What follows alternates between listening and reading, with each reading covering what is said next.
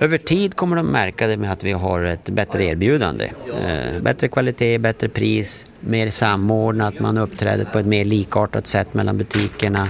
Man har lättare att hitta i en Coop-butik i framtiden oavsett var du kommer in. De senaste två åren har KF förlorat väldigt mycket pengar, omkring en miljard kronor om året. Och experter har sagt att KF riskerar att tvingas stänga till slut om det fortsätter så. Därför görs nu företaget om. Ett helt nytt bolag har bildats, Coop Sverige AB. Bolaget ska satsa på Coops matbutiker för att försöka få dem att gå bättre. Andra företag som KF äger kommer att säljas för att få in pengar. En del som jobbar inom KF kommer också att tvingas sluta sina jobb fast än så länge är det oklart hur många som kommer att drabbas. Ett annat problem för KF är det som kallas återbäringen.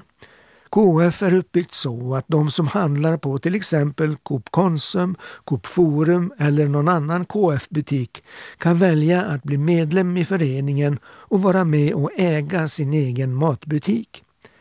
Medlemmarna har då kunnat få pengar tillbaka i återbäring beroende på hur mycket de har handlat för. Den här återbäringen har kostat väldigt mycket pengar för KF. Därför ska den också göras om, säger Anders Sundström. Den kommer ha en annan utformning, men den kommer att finnas kvar men se ut på ett lite annat sätt.